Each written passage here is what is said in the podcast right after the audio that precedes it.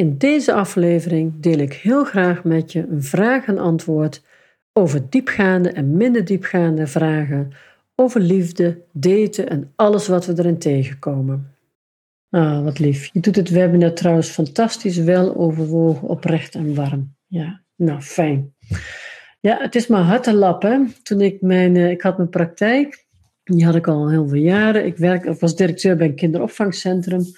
Maar al die jaren, zeg maar, had ik ook een praktijk. Ik had altijd een aantal klanten. Ik was therapeut, eh, allerlei manieren opgeleid.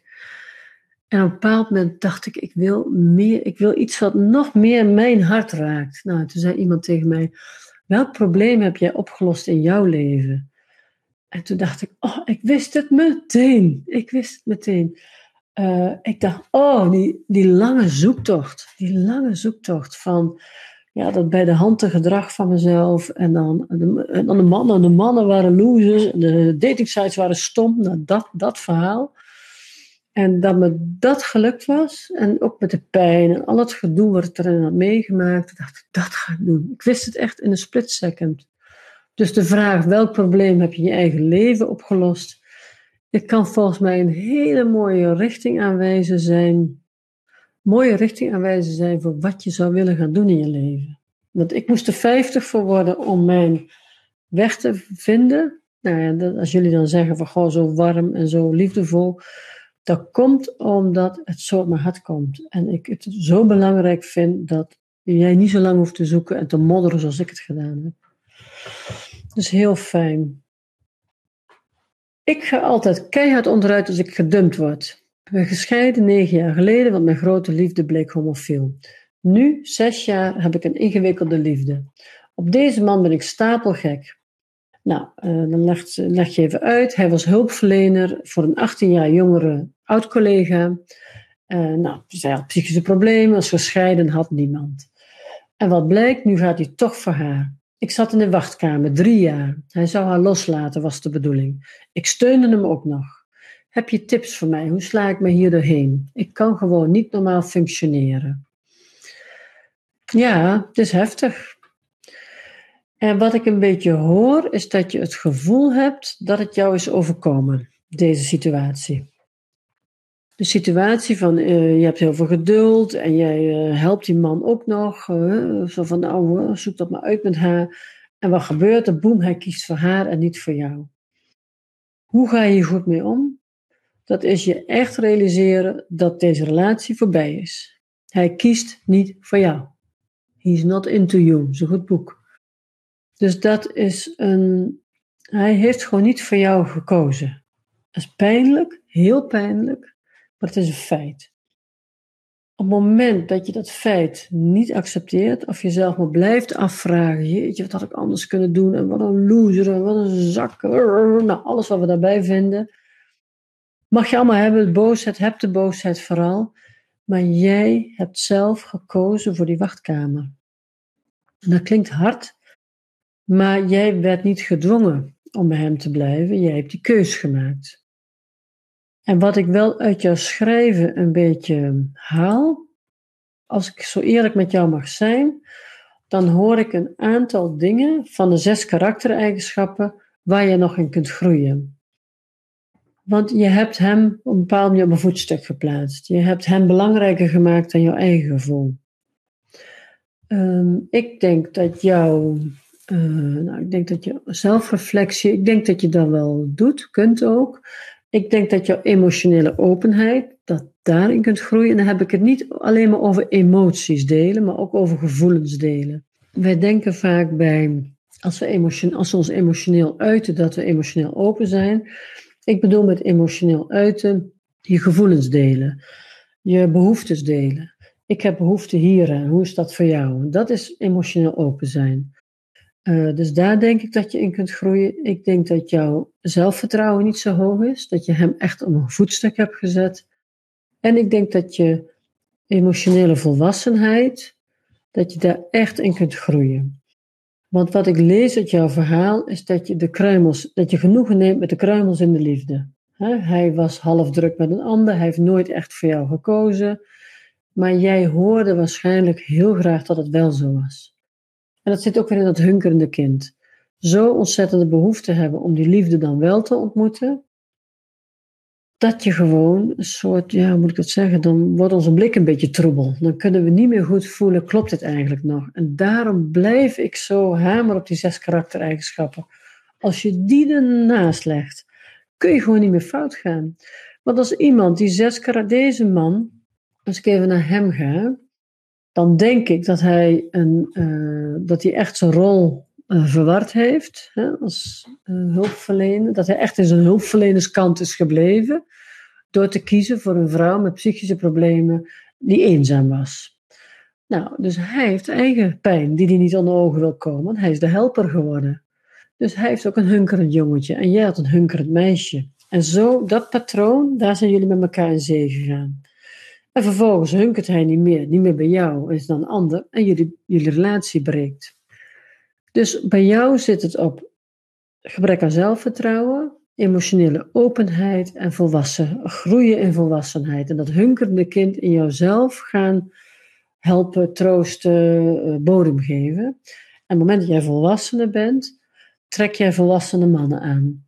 Want ik, uh, je bent er nu niet misschien bij maar even kijken. Ik denk dat jij bijvoorbeeld ook heel vaak drama's kent in jouw leven als het over relaties gaat. En met drama bedoel ik, ja, toppen dalen. Het, moet, uh, het geeft je het gevoel dat je leeft. Dat je leven het doet. Never a dull moment. Met jou valt altijd wat te beleven. Maar je wordt er zo moe van. Al die, er zit veel lijden aan. Aan drama's en relaties. En wat ik tussen de zin doorlees, is dat je hem eigenlijk nog niet los wil laten. En dat snap ik. Maar hem niet los willen laten is eigenlijk continu opnieuw dat mesje in die wond zetten. Hup, het is aan het genezen, het groeit een beetje dicht en dan kom je weer met je mesje. Ja, maar hij dit, maar hij dat en hij uh, boos op hem. Je bent, oh, heel confronterend wat ik nu ga zeggen, maar ik ga toch zeggen, je bent op dit moment, op dit punt in jouw leven, door eerdere beslissingen die jij genomen hebt.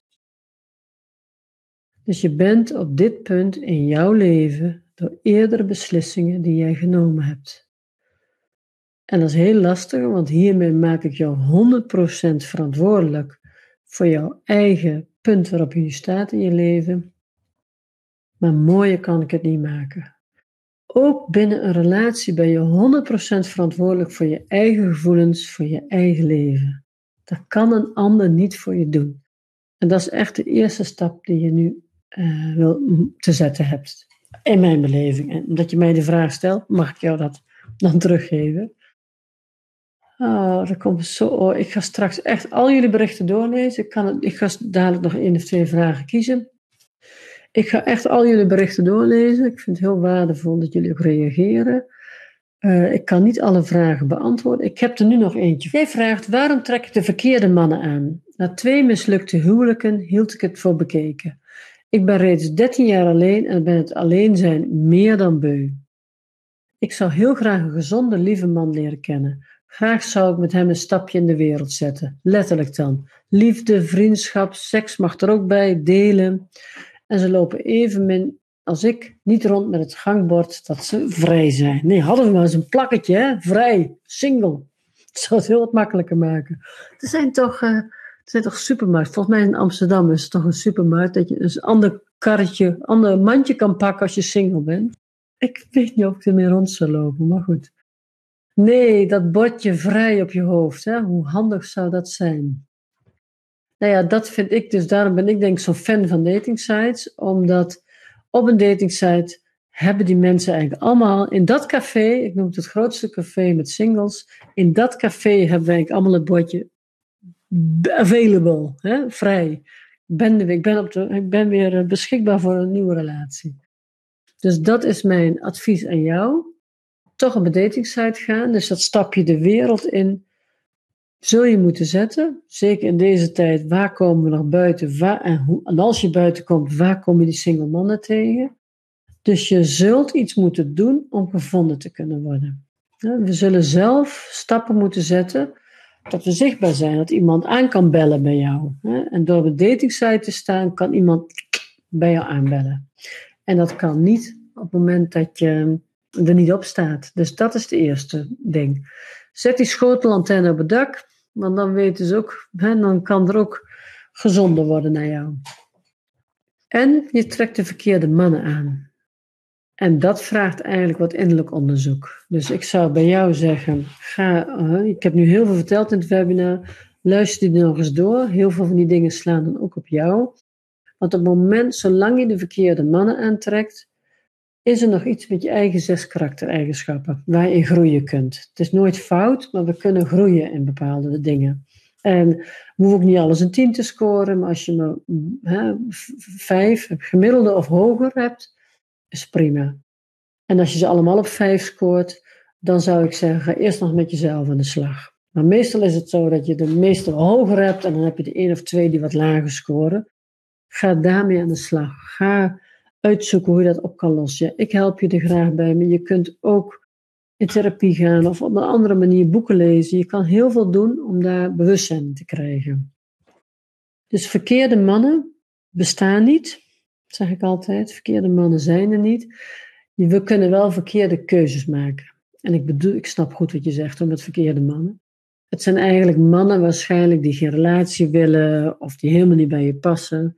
Nou, en dan kom je weer op het stukje in hoeverre zorg jij dat je goed te zien bent op de manier die bij jou past. Dus jou, je hebt een binnenkant en je hebt een buitenkant. En wat ik heel vaak zie op sites is dat we wel onze buitenkant goed beschrijven, maar niet de binnenkant. Dus jou, uh, het moet kloppen. Jouw binnenkant moet kloppen met wat je aan de buitenkant laat zien. En dan ga je betere matches krijgen.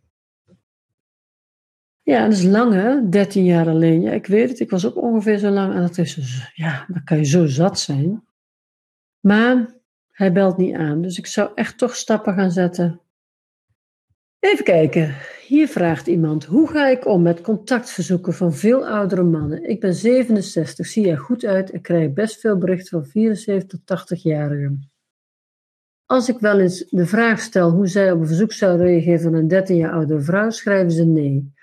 Ja, in deze levensperiode vind ik een groot leeftijdsverschil best een punt. Ja, weet je, iedereen is, goede vraag hoor. Iedereen is vrij om te reageren op wie die wil. Dus uh, ze doen niks fout. Ze vinden jou een leuke, mooie vrouw waarschijnlijk. En uh, ik hoor een beetje dat je, omdat je dus ook de vraag terugstelt, hè, hoe zou je het vinden? Je vindt daar wat van.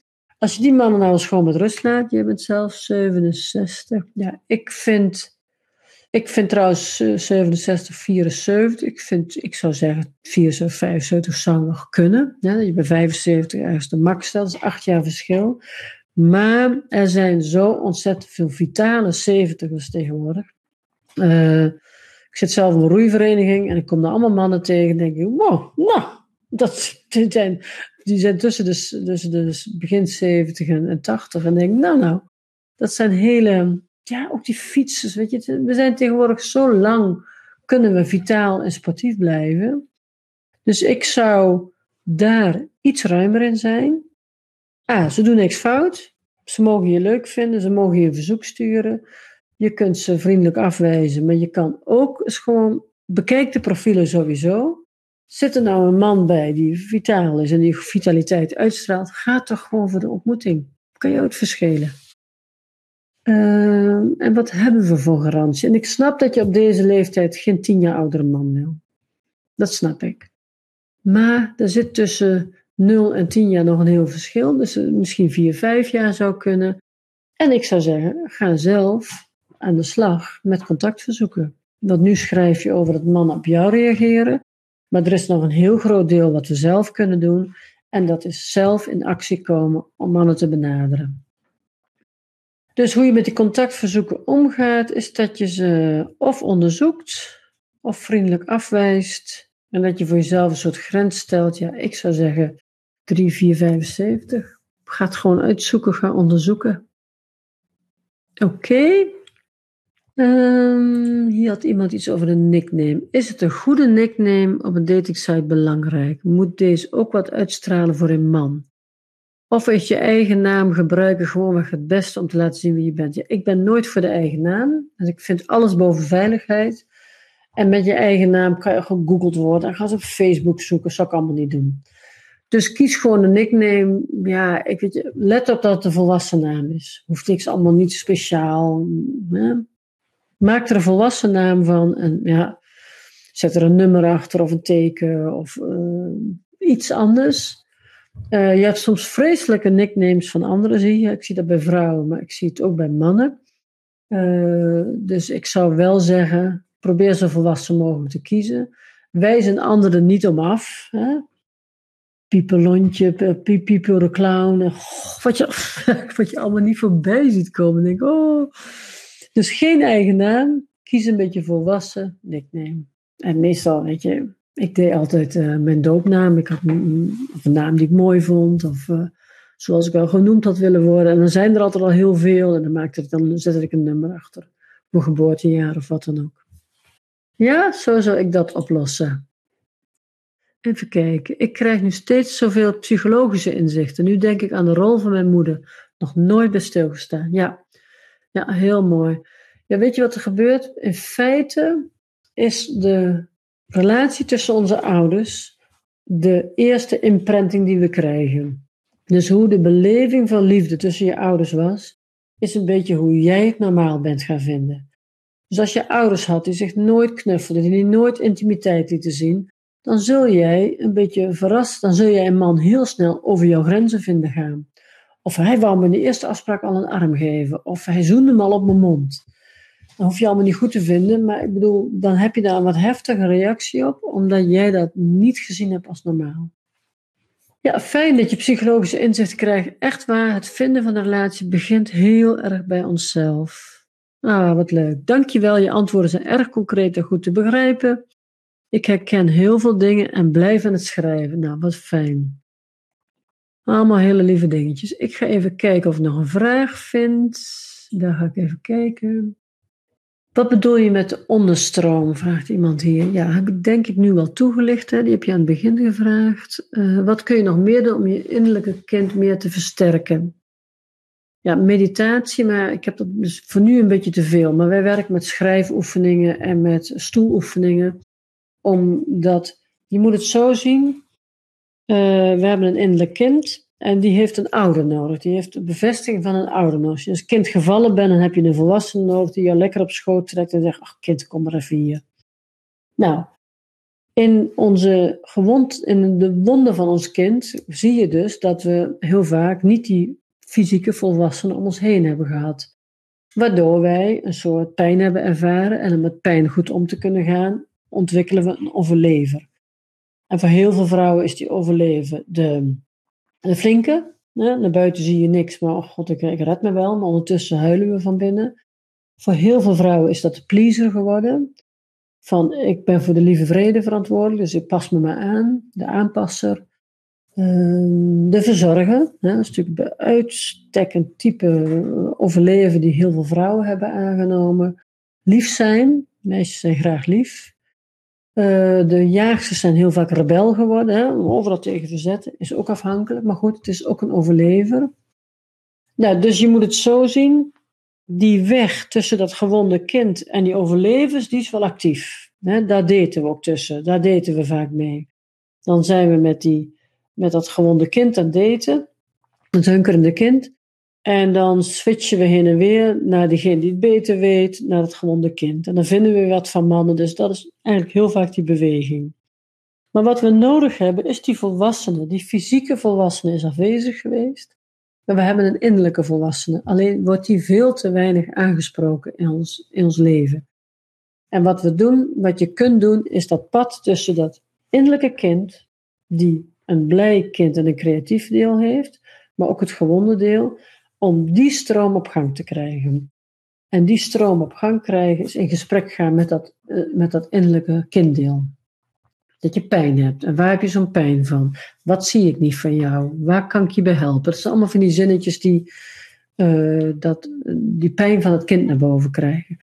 En dat zijn geen dramatische therapiesessies, maar het gaat erom dat je gaat leven met je innerlijke delen. En innerlijk deel, een heel belangrijk innerlijk deel, is ons innerlijke kind. Ik weet niet of je wel eens in bejaardentehuizen komt of in, waar veel ouderen zijn.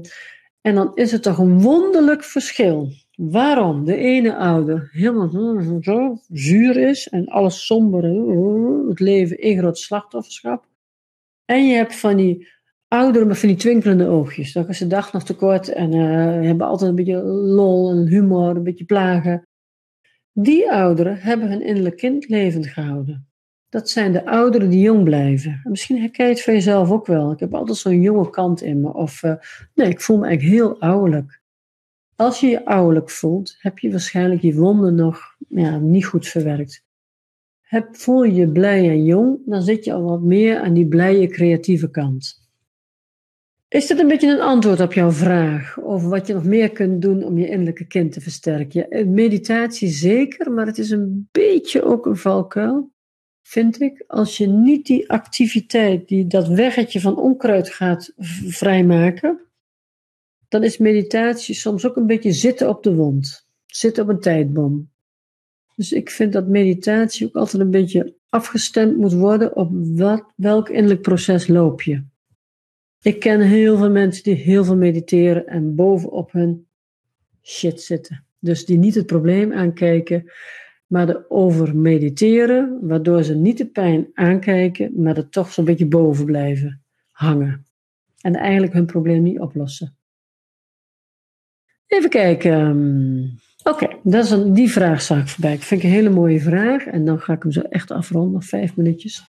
Hoe lang moet je met wachten met intimiteit als je een nieuwe liefdesrelatie aangaat? Wat is een gezonde periode? Nou, dit is natuurlijk altijd een heel lastige, want god, wat gaat uh, juf Carla vertellen? Ik vind een hele fijne vraag. Wat het is, natuurlijk ligt dat een beetje, uh, ja, nou, dan wil het heel simpel zeggen, wacht gerust twee maanden. Waarom mag het, mag het acht weken duren? Um, en mag het, het gaat sowieso niet de eerste, de eerste drie, vier afspraken, vier, vijf afspraken niet. En daar bedoel ik niet mee dat je niet al elkaars hand vast kan houden of uh, tegen elkaar aan kan zitten als het goed voelt. Maar bijvoorbeeld een tongzoen. Hè? Heel vaak willen mensen al snel tongzoenen. Ik zeg altijd een tongzoen is een mini-penetratie. Dat is toch al net weer een stapje verder intiem zijn dan lekker tegen elkaar aanzitten of een hand vasthouden of mag ik even je arm, mag ik arm lopen met je. Dus wat ik zeg, er zijn eigenlijk veel manieren om al te laten zien aan iemand uh, dat je iemand leuk vindt. Hè? Door dat intimiteit of het aanraken is toch vaak al een bevestiging. Hè? Dus daar zijn echt mooie tussenstapjes in. Dat is een knuffel, dat is een zoen op de mond. Dat is die arm vastpakken, dat is een kneepje in zijn hand. Dat is als je na drie of vier afspraken thuis afspreekt. Goh, mag lekker tegen je aanzitten als we die film kijken. Nou, allemaal van dat soort dingen. Allemaal al aanraakzaken die niet per se all the way intiem hoeven te zijn. Want het is voor een vrouw zo, als je echt uh, seks hebt gehad en, en, weet je, je bent een beetje verloren voor het gezonde verstand, zou ik bijna durven zeggen. Of je schiet in je angst, oh jee, dit is toch iets wat ik niet wil, afhankelijk van je verleden. Of je schiet in een soort van, oh, het is allemaal geweldig. En dan komt hij weer op een voetstuk. Dus het is veel makkelijker om een ander een beetje goed te kunnen voelen, of een ander bij je past, en of je echt iets samen op wilt bouwen, als je daar wat tijd voor neemt. Uh, dus ja, in mijn programma komt natuurlijk heel vaak, oh, ik heb al gezoend en dat mag niet. Ja, het gaat niet over die mag, maar wees je bewust dat je tijd mag nemen. En als een ander dat geduld niet heeft, ja, dan is het ook met je, als je, als je beide gaat voor langdurige, goede relatie, ja, wat maken dan drie of vier weken uit? En zo kan je het ook benoemen, hè? want dat is altijd, ik zeg altijd, zeg niet wat je niet wilt, maar zeg vooral wat je wel wilt. Dus als je daar wat ruimte in wil maken en de ander is enthousiast, dan zeg je nou ontzettend fijn dat je het allemaal wilt. Maar weet je, ik vind met jou zo fijn. Ik wil je gewoon niet, niet vertroebelen al met van alles. Ik wil jou echt eerst wat beter leren kennen. Weet dat ook. Nou, dan geef je een ander eigenlijk een heel mooi bericht mee, want je vindt het heel waardevol en heel fijn. Maar je wilt er wat zuinig op zijn. Prachtig. Dus, is dit een antwoord voor jou? Hoe je de uh, hoe lang je daar dan mee wacht. Lieve vrouwen, ik zou zeggen, het valt niet altijd mee in de liefde. En zeker niet op dit soort speciale dagen. Dat het allemaal maar opgeklopt wordt en groter gemaakt wordt enzovoort. Maar blijf je eigen behoeftes en verlangens naar een goede partner ook serieus nemen. En het is niet zo dat als je al een goed leven hebt, dat je niet ook nog mag wensen dat je er een fijne man naast hebt. Dat mag wel. Je mag dat goede leven heel graag willen delen met een ander. Want dat krijg ik heel vaak te horen. Je kan toch heel gelukkig alleen zijn? Ja, dat kan ook. Maar je mag toch ook gewoon die, dat verlangen hebben om dat te delen. Dus stop dat voor jezelf niet weg. Het feit dat je hier bent, doe je dat waarschijnlijk al niet. En ik wens jou heel veel geluk in de liefde. En mijn belangrijkste boodschap van vandaag is: geef niet op. Hij is er. Ga door. Er is voor jou ook iemand. Het bestaat wel, de liefde. Heb een fijne dag. Dag. Tot ziens. Vond je deze podcast inspirerend en wil je heel graag meer weten hoe jij jouw liefde kunt vinden? Kijk op mijn website www.laatsteliefde.nl en ik help jou heel erg graag verder. Heb je een vraag die je graag beantwoord wil hebben in deze podcast? Stuur me een mailtje info@laatsteliefde.nl. De liefde bestaat wel, ook voor jou.